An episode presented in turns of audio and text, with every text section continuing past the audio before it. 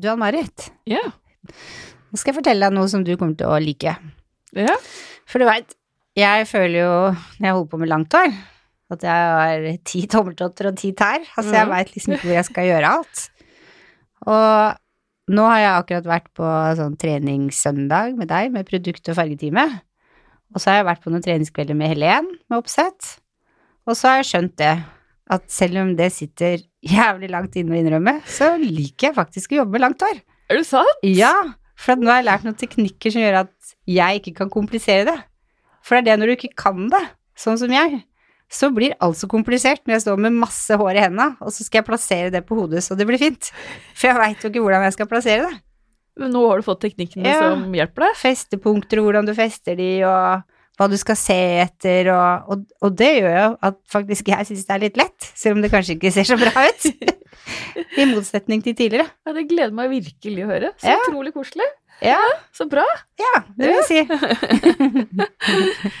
Så bra.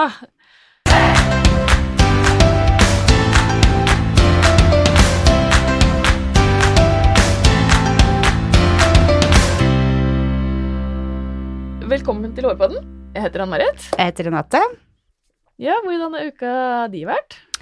Uka mi har som uka di vært opptatt av Vixen Awards. Ja. Mm, for vi har jo hatt hver vår influenser. Det har tatt ganske mye tanker og Men det er jo så gøy. Mm, Så absolutt. ja. Ja, komikerfru var hos meg på fredagen og stylet håret. Det blir liksom en sånn stemning over salongen nå, når vi har liksom influensere. ja, det gjør det. Man løper liksom litt rundt sånn sånn Stresser rundt og skal ha det veldig, veldig fint og Jeg har jo kirsebærhagen. Jeg syns det var veldig, veldig gøy. Å, det ble så fint på håret. Ja. De fargene. Ja, for hun var jo nominert til Årets sterke mening, og da tenkte jeg da kan ikke hun komme med pudderrosa bloggefarge. Da må hun ha noe sterkt, så da blei det nordlys. Og det blei kjempefint, det. Så det var gøy. Absolutt. Vi har med oss noen gjester i dag. Det har vi. Eh, I 2011 slo de seg sammen for å skape en salong med en helt unik konsept. De startet med kun tre ansatte, og i dag er de hele 20. Eh, Salongen er et blikkfang, og du må stoppe opp og titte inn i den fantastiske salongen. Salongen heter Studio White og ligger i Kirkegata 13. Gründerne heter Benedicte Hansen og Tommy Strandal. Velkommen til oss. Takk. Takk skal du ha. Så, så bra at dere kom. Takk for at vi fikk komme. Kan ikke dere fortelle litt uh, om dere selv? Ja, kan, jeg kan jo starte. Benedikte Hayeta, som du sa. um, har eh, lang erfaring i frisørbransjen. Starta min første salong i 2003. Eh, naiv og full av pågangsmot. Um, lærte og feila litt, og så dro skjebnen meg videre til, eh, til han Tommy. Så eh, vi starta opp i eh, 2011, som du sa. Um, så det er meg. Jeg kommer nordfra, helt fra Finnmark, men uh, har blitt uh, Oslo-dame etter hvert. Ja, Starta Ja. du da i 2003 der oppe, eller Nei, i nord? det var her eh, nede i Prinsens gate. Mm. Ja. Så det var i Oslo. ja, ikke Ja. sant? Hva het den salongen?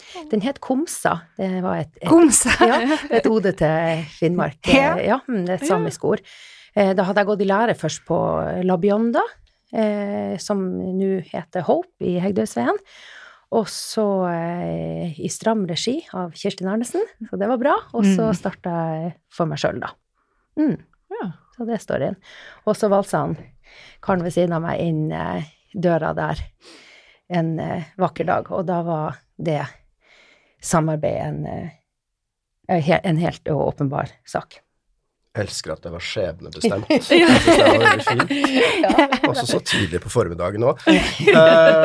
nei, kjapt, kort fortalt. Uh, jeg begynner jo òg å ha fått noen år på baken i denne bransjen. Jeg registrerte at jeg blir 40 år her om dagen, uh, så det blir jo hyggelig. Eh, men eh, litt annen inngang kanskje til bransjen enn det Benedicte hadde. Eh, jeg hadde læretiden min i Adam og Eva, eh, og så dro jeg til London etter det. Og så forvilla jeg meg inn i leverandørsiden i noen år, eh, både innenlands og utenlands. Det var vel egentlig sånn vi møttes. Eh, jeg lanserte eh, Sassoon sine produkter i Norge i jeg husker ikke, fire eller noe sånt. Uh, så mitt første møte med Benedicte var på Continental Hotel, og jeg kommer aldri til å glemme det, for det er det mest takknemlige publikum jeg har hatt noen gang. Uh, uansett hva jeg sa, så satt hun og nikka på hodet, og ja, det var et veldig hyggelig første møte. Etter det så har vi vel aldri sett oss tilbake, selv om det måtte gå noen år før uh, det var rom for at mm. vi kunne gjøre noe sammen. Mm. Så det skjedde først i, i 2011. Mm. Så det er ni år siden, faktisk, på lørdag. Gratulerer ja. med det, ja. Benedicte. Ja. Takk i like måte. Ja, for salongen er jo helt fantastisk. Er, jeg går alltid forbi der og titter inn mm. når dere har det. Ja, var, jeg var veldig oppsatt på å få et hjørne, eh, og det er jeg glad for i dag. Så vi leita rundt etter et hjørne, også, i og med at jeg er fra en by der det ikke finnes et gammelt hus, så var jo jeg veldig fascinert av kvadra, Kvadraturen i Oslo, fordi at det er jo bare en haug med gamle hus som har masse sjel og høyt under taket. Og eh, ja, så eh, vi eh, fikk det vi ville. Og så var vi også veldig innstilt på at vi skulle ha mye kvadrat. Så vi har jo en Vi er velsigna med mye plass. Det er veldig deilig. Det er en mm. flott salong å jobbe i. Ja, for hva er konseptet deres?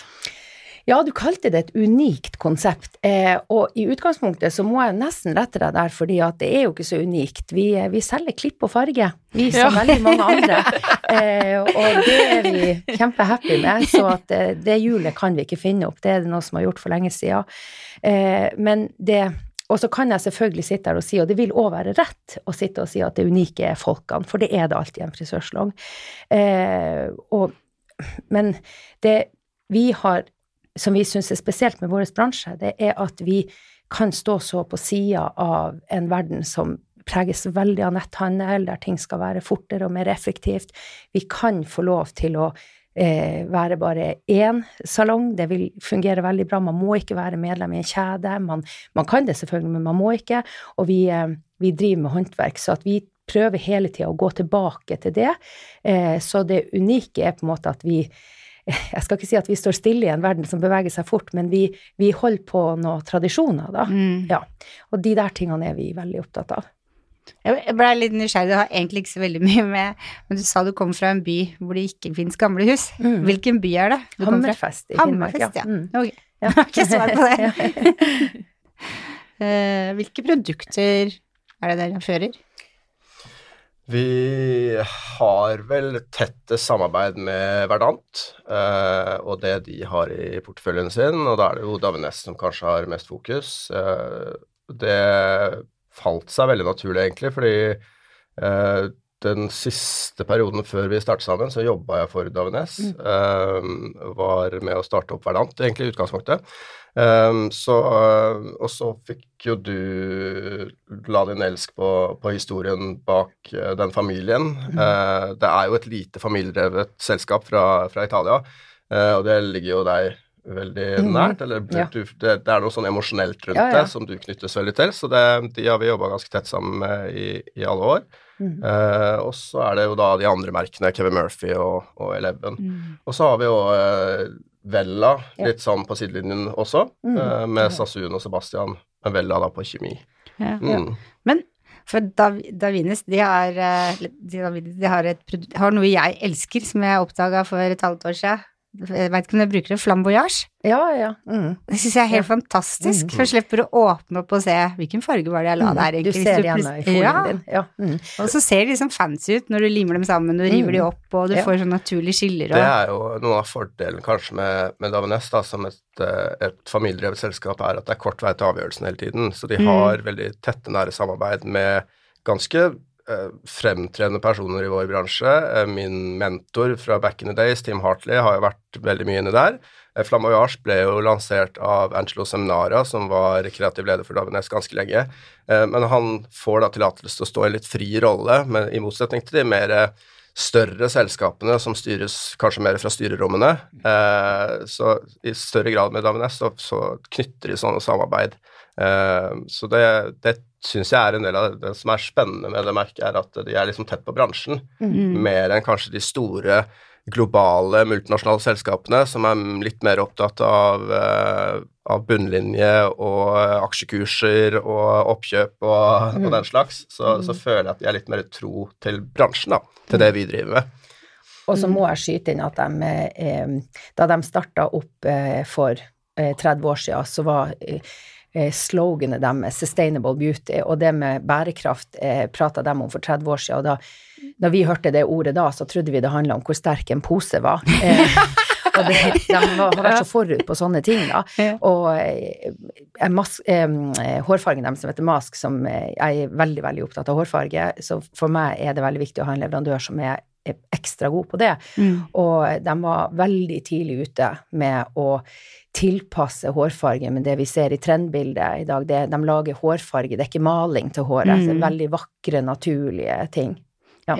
Mm. Jeg liker det at de For det syns jeg kanskje mange firmaer glemmer. At det er sånn lekenhet. Mm. De gir deg et verktøy som du kan leke med, Mm, og det gjør det mer gøy. Definitivt. Mm. Og det, det speiler seg igjen nedover i rekken, helt ned til selgerne som kommer i salongen vår. Mm. At man har, det, det, er noe, det er noe man brenner for, på en måte. Mm. Det er et, en leverandør med, med hjerte og sjel. Mm. Ja, jeg er helt enig. Eh, Vi snakker litt til om salongen, for at jeg leste litt om salongen deres på nett, og da sto det at alle møblene var på hjul, Mm. Så dere kunne liksom ha kurs. Ja. ja. Mm. Uh, har dere med internkurs, eller er det mest utenfra, eller? Eh, Begge deler. Eh, vi, har jo kalt, altså, vi kaller det for et studio, og inspirasjon var den her drømmen om en sånn type New York-atelier, en, en loftleilighet som en fotograf har, på en måte sånn arbeidsstudio. Og for å dra det liksom enda litt lenger, du er, du er mer kreativ i et rom, du kan endre da, på en måte. Eh, så vi eh, lagde hele interiøret på hjul, så at vi hadde muligheten til å bruke salongen til forskjellige ting. Og vi har hatt alt fra eh, fester og konserter, men også kurs. Eh, og der er vi litt opptatt av å knytte kontakter i bransjen. Så vi har hatt eh, forskjellige kursholdere, og da har vi invitert andre salonger, kanskje nabosalonger, og inn til oss også for å vise at hos oss er døra åpen. Men vi gjør mye internkurs også, det gjør vi. Utfordrer de ansatte til å holde kurs for hverandre, og jeg og Tommy tar stort sett hver tredje måned en sånn fagdag der vi prøver å inspirere så godt vi kan, de ansatte.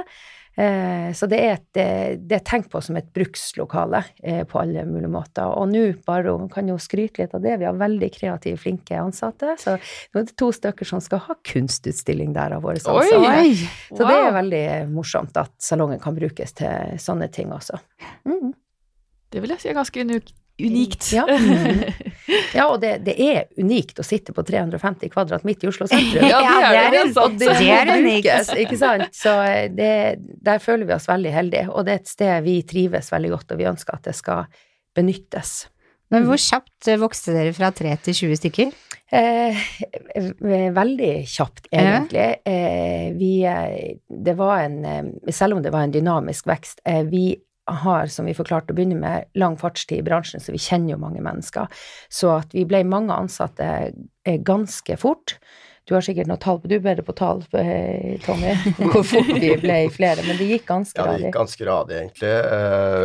Vi var vel oppe i åtte stykker allerede til sommeren. Vi starta i februar, eh, så allerede til sommeren så, så var vi på åtte stykker. Og så har det liksom kommet jevnt og trutt etter det. Men det er klart, vi, vi pika nok. liksom, Vi var veldig lenge på rundt sånn 14-15 stykker, og så ramla det inn noe her de siste, siste årene. Mm. Så det, ja, jeg vil si egentlig det gikk ganske fort. Vi, vi var jo tre, som sagt, i starten, men uh, det var liksom allerede måneden etterpå så, så kom det noen som hadde jobba for deg før Mm. på, på Komsa, som da hadde lyst til å ha deg som sjef igjen, og det er jo uh, veldig hyggelig attest til deg, Mm. uh, som du for øvrig har svart til. Uh, så nei, det har gått, gått raskt, altså. Det er klart at når man tar på seg den forpliktelsen det er å åpne da 350 kvadrat midt i Oslo, så er det jo veldig hyggelig at det ramler frisører inn ganske fort da. Ja. Mm, Eh, så det, for meg som på en måte sitter med regnearkene, eh, det er liksom min oppgave, så, så var det Da slapp jeg å slite med nattesøvnen. eh, så det var veldig greit eh, det, det kom fort til flere frisører. Ja. Men for å være tre på 350 kvadrat, Mm. da, Ja. da er det god plass. Er det plass, ja? ja, ja. Men jobber dere skift, eller? Mm, ja, ja, vi gjør det. Og så hører det med til historien her at vi, vi har alltid lærlinger i systemet Mhm. som er på forskjellige stadier. Så det, en, det blir en slags skiftordning. Eh, og altså, døgnet har jo mange timer, og uka er egentlig lang, så det går forbausende bra. Eh, og vi liker å være mange på stasjon, for det er veldig god energi da. Mm. Og så har jeg lyst til å legge med, og det er selvfølgelig selvskryt, men det er veldig mange av originalkasten som er der ennå, og det er vi ekstra happy med. Mm. Eh, fordi at eh, da, da har vi fått til noe, når eh, folk har lyst til å jobbe så lenge for oss. Vi har en ganske høy gjennomsnittsalder hos oss også, og det syns jeg òg er kult i den bransjen vår som det er så mye unge folk. Unge folk er bra, de holder oss på tærne, men det er, det er gøy å se at vi klarer å holde folk interessert over mange år, da. Mm. Mm, Det er jo greit å legge til at det er jo ikke fullt 20 årsverk heller. Vi, vi har Nei. jo eh, noen hos oss eh, som gjør litt andre ting ved siden av. Eh, være seg film og TV, eh, eller eh, styling generelt utenfor salongen, eh, som da jobber i litt mer redusert stilling hos oss. Så vi, vi får den storleken til å gå opp. Uh, det er ikke noe krangling om, om plassene, så det, det går veldig greit. Men det er noen som Vi har noen småbarnsmødre, det er jo som du sier, det er, det er, noen, det er høy snittalder. uh, så noen har fått etablert familie og vil jobbe ni til tre og hente barn i barnehage. Og så har du noen som aldri blir voksne, som helst har lyst til å begynne på jobb klokken tre. Uh, så det der går, går veldig bra. Det, men det er klart at vi har jo nådd et, et maks antall nå. Ja. Eh, vi, vi har ikke plass til noen flere, eh, flere i salongen. Eh, det, og det er jo òg veldig greit å vite at vi har en, en stabil, god stab som vi har lyst til å bygge over tid nå. Um, ja. Blir det flere salonger? Ja, artig at du spør om det. Vi prøvde det for tre år siden. Vi Ja. åpna vi, ha, vi har White Studio, og så åpna vi White Gallery i Vika. Vika terrassen er pussa opp. Stemmer det. Mm. Og, og vi ble veldig vi ble rett og slett spurt om vi kunne tenke oss å være der, og vi ble vel litt smigra av det, og så syntes vi det var litt spennende med det nye området som, eh, som de drev og utvikla opp i Vika. Det vi skjønte veldig fort, det var at eh, de tingene vi er opptatt av å være gode på, som er eh, å være gode ledere, å være nært på de ansatte, ha god oversikt over alt vi holder på med, være sterk på opplæring og alt det, det ble vi rett og slett bitte litt dårligere på med ha to salonger. Og det er jo fordi at jeg og Tommy liker å være en del av staben. Eh, vi klipper ennå hår og har lyst til å gjøre det. Så eh, det, det ble en eh, utrolig interessant erfaring for oss, og vi bestemte oss faktisk for noe så spesielt som å gå tilbake på å være en salong. Så bra. Ja, det, og det, det gjorde vi i sommer som var. Og det er, må jeg si, eh, jeg vet at jeg snakker på vegne av oss begge, en fantastisk god avgjørelse. Vi har fått samla gjengen igjen. Vi eh, har en eh, den, vi er jo opptatt av at vi er et team, og den teamfølelsen er virkelig på plass igjen. Så jeg, jeg beundrer alle som får det til, men da må du ønske å være, ad, være i en mer administrativ rolle enn vi ønsker per i dag.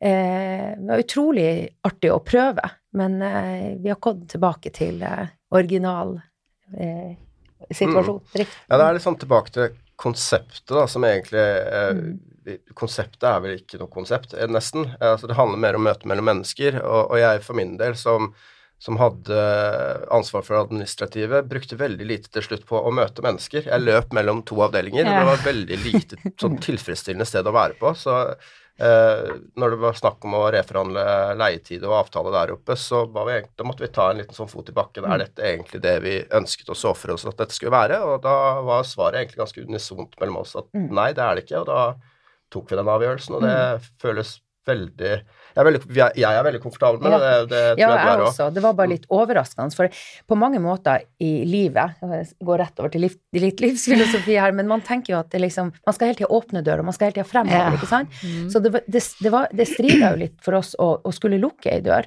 men når du kjenner at eh, her, her vokser jeg ikke, her blir ikke jeg bedre, eh, så, så må man ta en fot i bakken og, og finne ut hva som er riktig for en sjøl.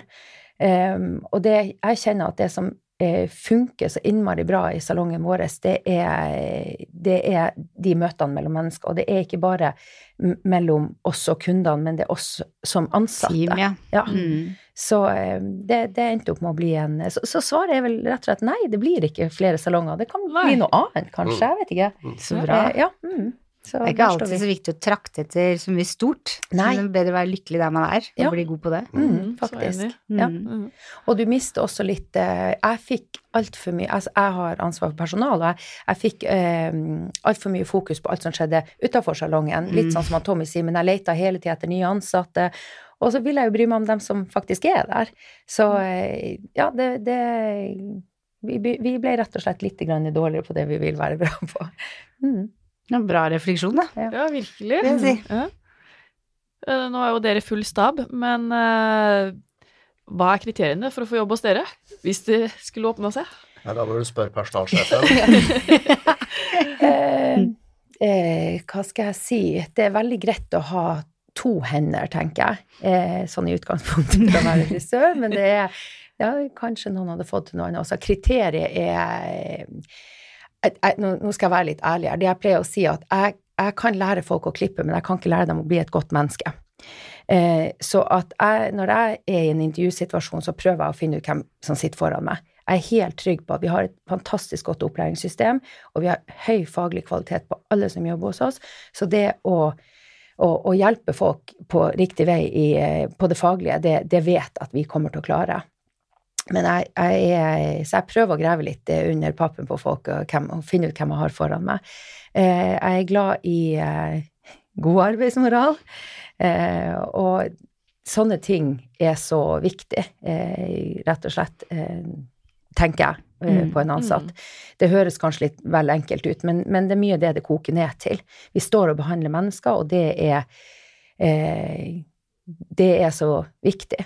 Og så er jeg litt eh, Hvis dere tåler en, en, metafor, så pleier jeg å si at Jeg vet ikke, godt kjent å glemme fotball, men jeg pleier å si at vi er mer som Tyskland som fotballag enn Brasil. Brasil har masse flinke enkeltspillere som får lov Hvis de er gode, så vinner de. Hvis de får lov å score dem for bånd, så vinner de. Mens Tyskland så er det ingen som kan navnet på spillerne. De jobber som ett lag, og så vinner de VM. Men det er ingen som vet hvem på en måte spillerne den er. Ja. Ja. Og den der tanken liker jeg litt på at vi er vi, vi, Jeg er nok ikke helt ute etter den eneren som har spisse skuldre og skal frem. Eh, for eh, vi alle skal frem hos oss, og alle er like viktige. Det er en klisjé, men det stemmer. Så at vi er aldri sterkere enn det svakeste leddet og de der tingene. Så sånne ting ser jeg på. Det er morsomt at du sier det med fotball, for at tyske liga har jo fått en norsk fotballspiller som skal jo være en ener, men jeg må ærlig innrømme at jeg husker ikke navnet hans. Jeg husker hårsveisen og fargen på håret, og at han er høy. Ja. Ja, jeg melder pass på alt som heter fotball og fotballmetaforer, men eh, ja, Tyskland sier jeg bare. Men Hva slags opplæringssystem har dere? Kan du si noe om det? Vi, eh, vi har tatt inn lærlinger både fra offentlig skole og fra privat skole, og når de kommer til oss, så må de inn i et, eh, sånn, et, eh, modulprogram.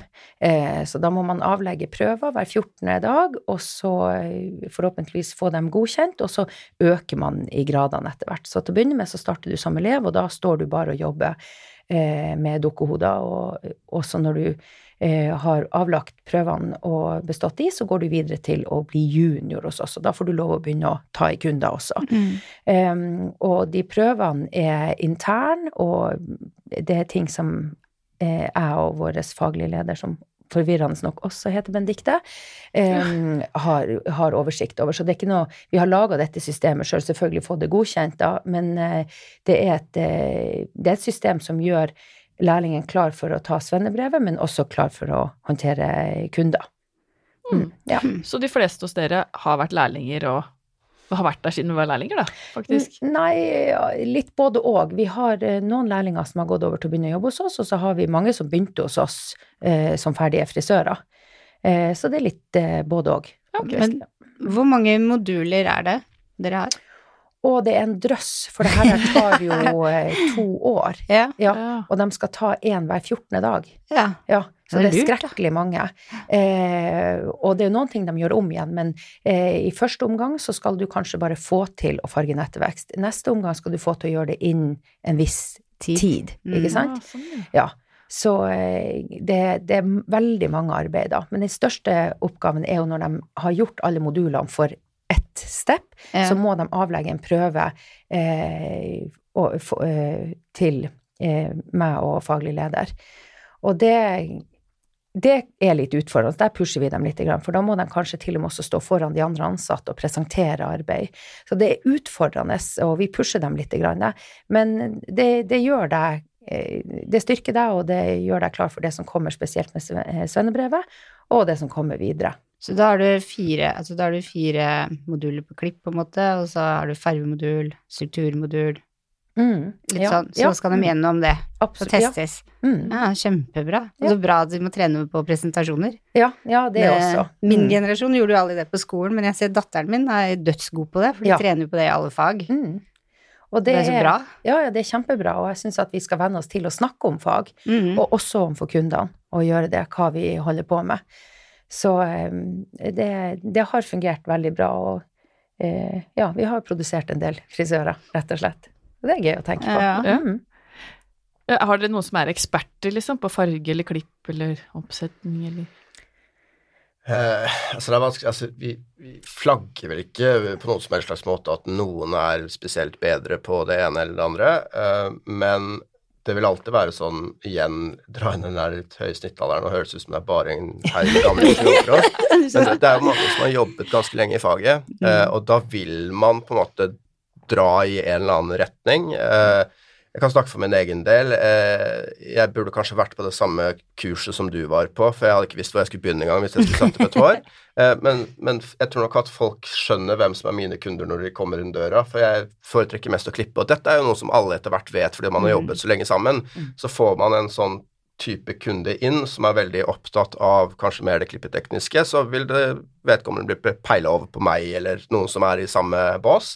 Eh, hvis det kommer inn noen som har litt mer eh, fokus kanskje på farge eller den slags, så eh, er det jo eh, naturlig å plassere det over på fargeoraklet fra nord, som jeg har kalt henne fra scenen noen ganger. Eh, og samme også på styling, makeup og sånn, så har vi jo de som jobber ute eh, og gjør stylingoppdrag ute, er jo naturlig kanskje å velge hvis man har noen som kommer inn og skal få et oppsett eller gjøre noe makeup eller mm. den type ting. Så det er ikke noe sånn at vi vi har ikke splitta sånn som jeg var vant med fra London, om man gjorde enten en eller andre. Ja, det det. Eh, så ha, vi har det ikke sånn hos oss. Vi, vi prøver jo da bl.a. gjennom dette opplæringssystemet eh, å få folk til å være kompetent på det meste, mm. men så vil man naturlig nok peile seg i en eller annen retning, tror jeg som frisør. Hvis man har jobba i ti år eller mer, så liker man kanskje det ene litt bedre enn det andre, og da begynner man etter hvert å bli spesielt god på det òg.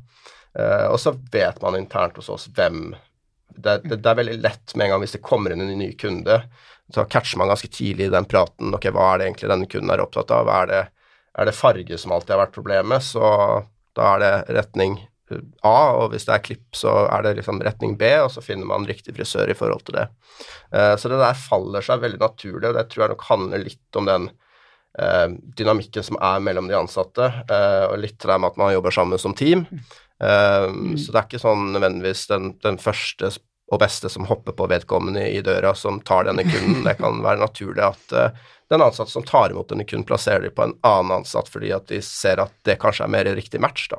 Mm.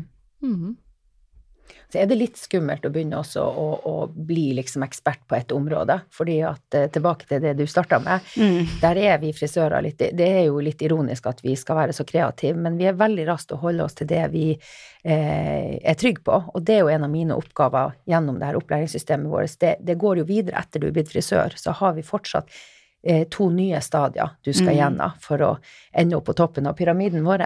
Mm. Og da prøver jeg å utfordre mer på sånne type ting, at man ikke snevrer inn og blir eh, for spesifikk, eh, men at man holder eh, det, det, Jeg pleier å si til de ansatte det skal være et stort tre du, eh, som, som, er foran deg når du har en kunde i stolen, der du kan plukke av eple av hele treet. Mm. Eh, og at det er liksom en sånn tanke om eh, jeg vil at det skal være. Fordi at vi skal jo eh, Det blir skummelt hvis vi, vi, hvis vi snevrer oss for mye inn, mm. for til slutt så blir det da farlig å gjøre noe annet. Så eh, vi prøver jo å holde dem på tærne. Jeg pleier å si til de som jobber hos meg, at jeg bruker vi godt skriv på dem. At de går liksom og surrer i sånn komfortsone, og ja, da føler de seg trygge. Men så er det jo min oppgave at de skal bli bra på andre ting, mm. og da mm. tupper jeg dem ut akkurat så langt som jeg tenker de tåler. og så må de gjøre andre greier. og det, det, er ikke alltid de liker det når det står på, du får mm. litt sure miner, men jeg bryr meg ikke noe om det, for det går jo bra til slutt. Ikke sant? Mm. Og det er Det syns jeg vi skylder kundene nå. Ja. Vi, vi skal være den fagpersonen de kommer til som, som kan alt. Ja. Eh, og jeg tror veldig ofte når vi sier 'jeg liker ikke å gjøre sånn', så handler det om at vi rett og slett ikke kan det. ja, nettopp. Ja. Så eh, en, en flink frisør kan ofte veldig mye, hvis de Mm. bare prøver seg. Mm. Så det må vi gjøre. Ser jo bare jeg, når jeg har fått oppsett i salongen, så blir jeg jo eitrende forbanna. Jeg blir så sur, og så, og så går det bra, og da er jeg superfornøyd. Og så lurer du på neste gang du skal oppsette en, hva var det jeg gjorde Ja, da? bare, å fader, hvorfor setter de dette på meg?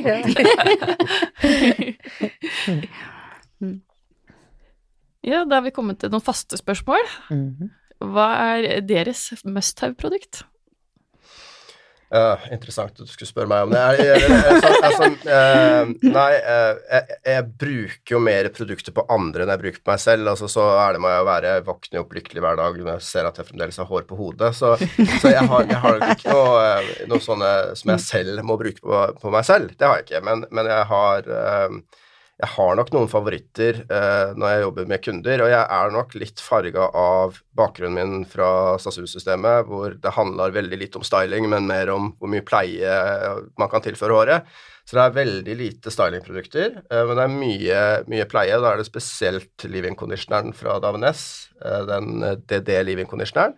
Og så er det et produkt som glemmes veldig ofte, og det er veldig leit. Det er eh, eh, oil, non-oil eh, i uh, ene stylingserien der.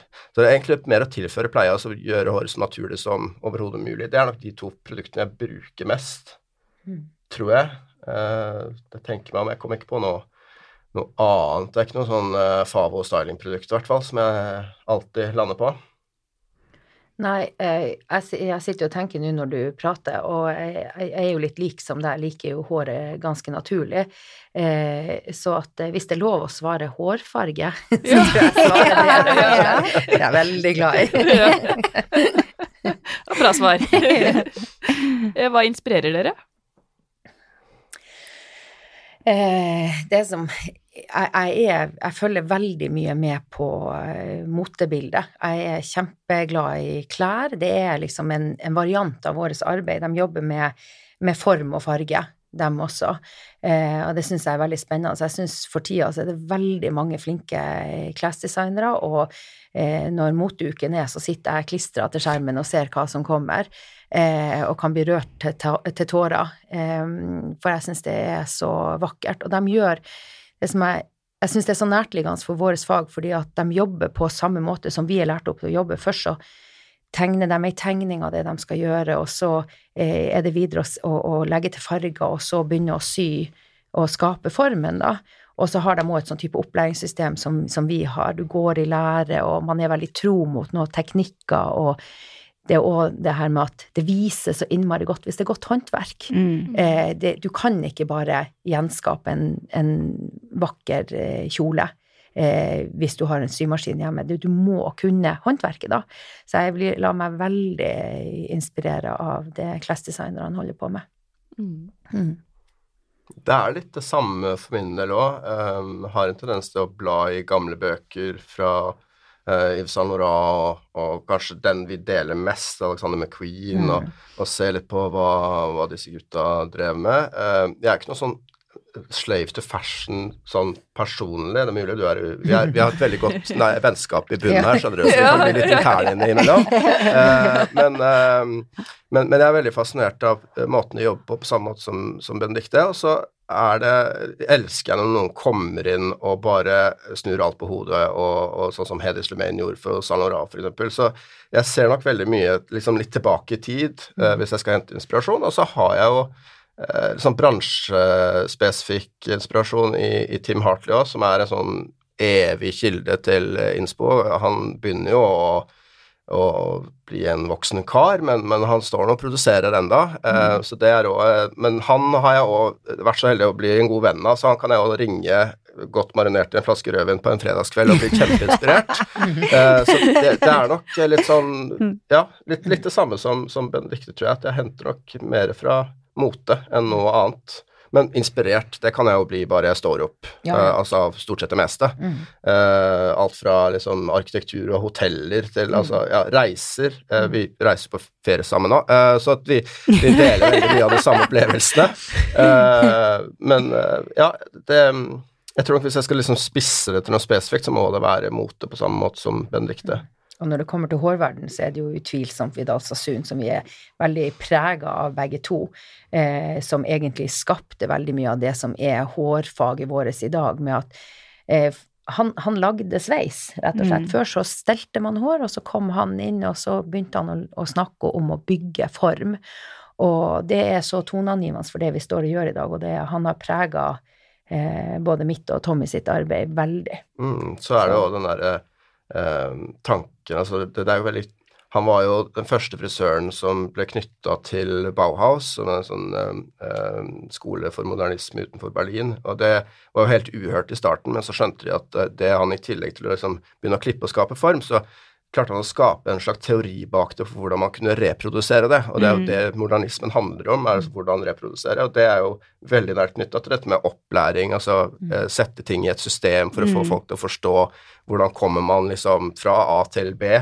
Eh, så vi er nok eh, Den sitter litt i ryggmargen hos begge, Mm, tror jeg. Definitivt. Mm. For Bauhaus, det bruker de jo i Pivot Point òg. Mm. Den shapen Mm. eh, som en frisyre. Mm. Ja, og der er jo litt det samme som jeg sa i forhold til, til mote, hvordan en klesdesigner jobber, så jobber jo også en arkitekt på samme mm. måte. Og at man, man, man skaper form, Mm. rett og slett. Så eh, det samarbeidet mellom Bauhaus og Vidal Sasun var, som du sier, uhørt å begynne med, men når man ser det i etterkant, så er det helt logisk, Ja. eh, rett og slett. Mm. Og så lagde de fargestjerner og mange Mm. ting vi har eh, stor glede av i dag. Jeg Mm. benytter jo meg av de tingene daglig, Daglig. rett og slett. Mm. Eh, Hvor er dere om fem år? Ja, vi skal til Bali om ei uke, kanskje det vi blir der. ja. Ja, nei, jeg vet ikke, koronavirus og alt, Jeg er ikke sikkert vi tør å være der så lenge. Men eh, nei, hvor er vi om eh, fem år? Jeg hadde nok mer sånn fremtidsperspektiver når jeg var yngre. Altså da hadde jeg liksom lagt planen klar frem til jeg var 68, tror jeg. Men, men så har jeg vel etter hvert skjønt at veien blir litt til mens man går. Jeg tror nok at jeg og Benedicte har en veldig nær og tett relasjon, både på vennskapelig plan, men også i forhold til jobb. Det tror jeg. Eh, Men utover det så tror jeg at jeg holder kortet litt eh, åpne, og så trives jeg heller med det jeg gjør i det daglige, uten å tenke for mye. Jeg ble rett og slett bare veldig sliten av å hele tiden leve der fremme. Mm. Eh, Nå ble jeg veldig privat personlig, kanskje, men det var en sånn erkjennelse jeg fikk for noen år siden, at nå må du prøve å være til stede her og nå, og ikke Mm. tenke så langt frem, tid, eh, frem i tiden hele, hele tiden, og da ble jeg veldig komfortabel med det. Så Og vi er jo så heldige at vi har fått gjort ganske mye til nå. Vi har eh, eh, reist gjennom jobb, og vi har vært rundt og holdt kurs, og vi har sett veldig mye, og endt opp, og, og, og som jeg forklarte i sted, prøvde å ha en salong til, og endte opp med å like veldig der vi er. Og det er en fantastisk ting. Så, Mm. så vi er vi er- befriende Ja, det Ja. er det. Mm. Og kjenne at yes, vi, vi er der vi skal være. Eh, men vi er jo søkende mennesker begge to, så noe kommer jo til å skje. Eh, men det er, ikke en, det er ikke konkretisert i en eh, i verken en eh, kroner og øre eller et sted eller noe sånt.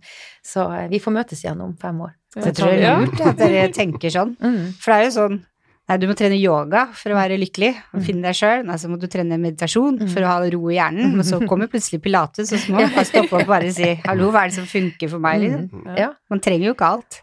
Og så er det òg noe med å være litt grann dynamisk, fordi at eh, ting eh, Hvis du da følger med på det som blir eh, gitt deg, på en måte. Mm. Eh, ting skjer underveis. Vi har blant annet en ansatt som har, som jeg nevnte i sted, min navnesøster, som har liksom blomstra opp fra å være Jeg, jeg møtte henne første gang hun var 17 år, og vi har jobba i lag siden. Og så begynner vi å se en person utvikle seg, og plutselig så ser vi at hun skal være med på lederlaget, på en måte. Så vi er jo, vi er jo dynamisk òg med bedriften. Hvis det kommer noen frem som, som, som bør eh, få en ny rolle, så er vi jo åpne for det òg. Ikke Mm. sant? Så eh, butikken kommer til å utvikle seg hele tida. Mm. Mm. absolutt. Så vi må jo se an litt eh, hvordan type ansatte vi har òg. Mm. Det blir veldig spennende å følge dere framover. Ja. Ja. Mm. Eh, Hvor finner vi dere på sosiale medier? Ja, artig at du skulle ta det nå på tampen, for det er en brannfakkel for meg. Eh, ikke så mye i det hele tatt, faktisk. No. Eh, jeg er litt eh, jeg, jeg vil ikke kalle meg sjøl gammeldags, det får andre gjøre, men, men der holder jeg litt grann igjen, eh, av flere grunner. Jeg, jeg vil veldig gjerne at eh, salongen skal oppleves, ikke gjennom et møte, ikke gjennom sosiale medier. Jeg vil veldig gjerne at de ansatte har sine egne kontoer og viser hva de jobber med, men det å promotere 20 ansatte på, gjennom én stemme syns jeg er veldig vanskelig, vi har 20 unike mennesker jobbende hos oss, så det blir veldig feil. Og så mener jeg at sosiale medier kanskje også har satt oss litt tilbake i vår bransje, fordi vi har begynt å sammenligne oss altfor mye med hverandre istedenfor å tørre å være unik. Det gjøres så mye likt, jeg ser det samme om og om og om igjen, og det gjør oss ikke bedre. Det gjør ikke det. Så, eh, og kundene kommer i større og større grad med bilder og inspirasjonsbilder, og vi prøver bare å etterstrebe det. Det er vi som har ordet, det er vi som er fagpersoner, og vi skal styre det. Men det skjer i møte med mennesket. Det skjer ikke via scrolling eh, på sosiale medier. Så vi prøver å holde oss litt på sida. Vi er der, men det er ikke, en, det er ikke et satsingsområde for oss. Men det er noen ansatte vi har som er skikkelig gode på det, og de har funnet sin stemme og sin greie, og det syns jeg er kult. Unik eh, tankegang. Ja, virkelig. Ja. Ja. Takk. Ja, men det er sant. Ja, men det er sant. Hvis du, Ja. Jeg går ofte tur med hunden min, Mhm. og da går jeg rundt på Frogner, og så titter jeg ned alle Jeg er så nysgjerrig, så ser jeg i alle første etasjer. Alle har det likt. Alle har samme type lampe, samme type vegg, sett- møbler. Mm. Det er jævlig kjedelig. Mm. Og det som Er skjer, det du ser mange ganger, det begynner du å like. Mm. Hvem trodde at vi skulle ha lyst til å gå i Buffalos igjen og gå med choker rundt halsen for oss som har vært med på det første runde? Men så ser du det mange nok ganger, og så begynner du å like det. Og det er det som er skummelt med at vi blir presentert med så mye informasjon. Mm. Jeg råder folk til å skru det litt av og være litt oppi hodet sitt Mm. eh, istedenfor, og da kommer det til å skje fantastiske ting, tror jeg.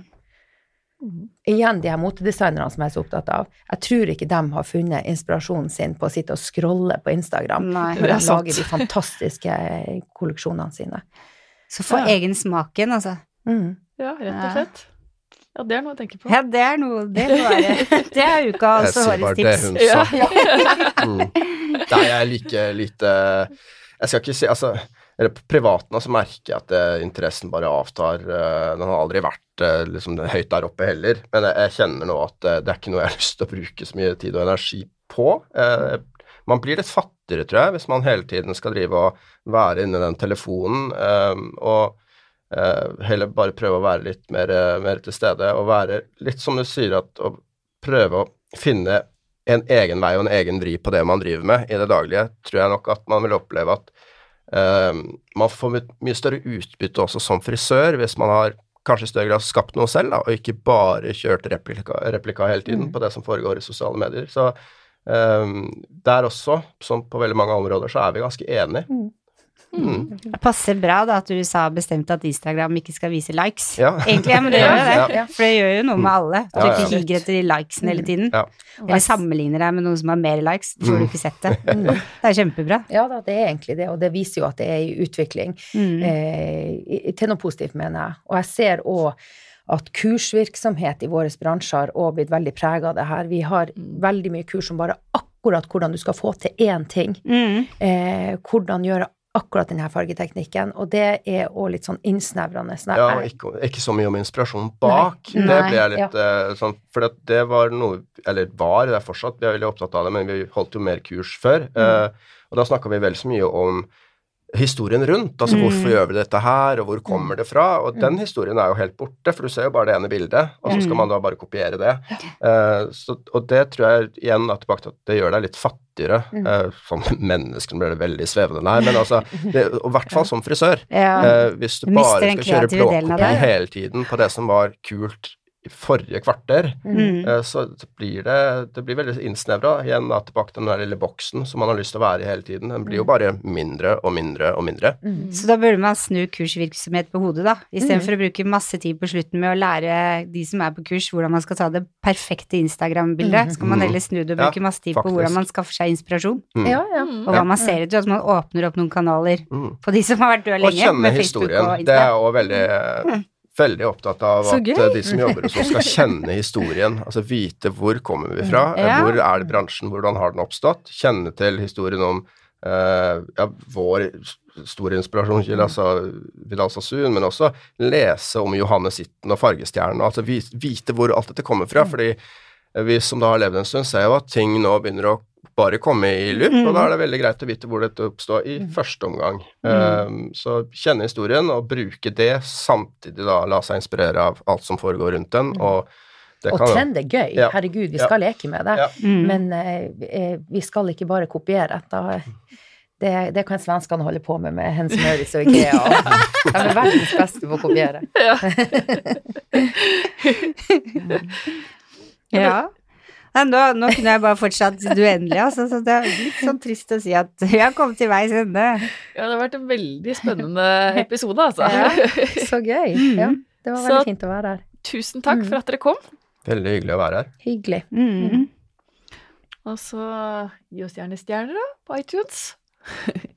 Og følg... Jeg kunne hoppe om de to siste, vi snakka ned om Instagram og Facebook. Ja, ja. Tusen hjertelig takk for at dere kom. Da høres vi neste uke. Det gjør vi. Ha det. Ha det.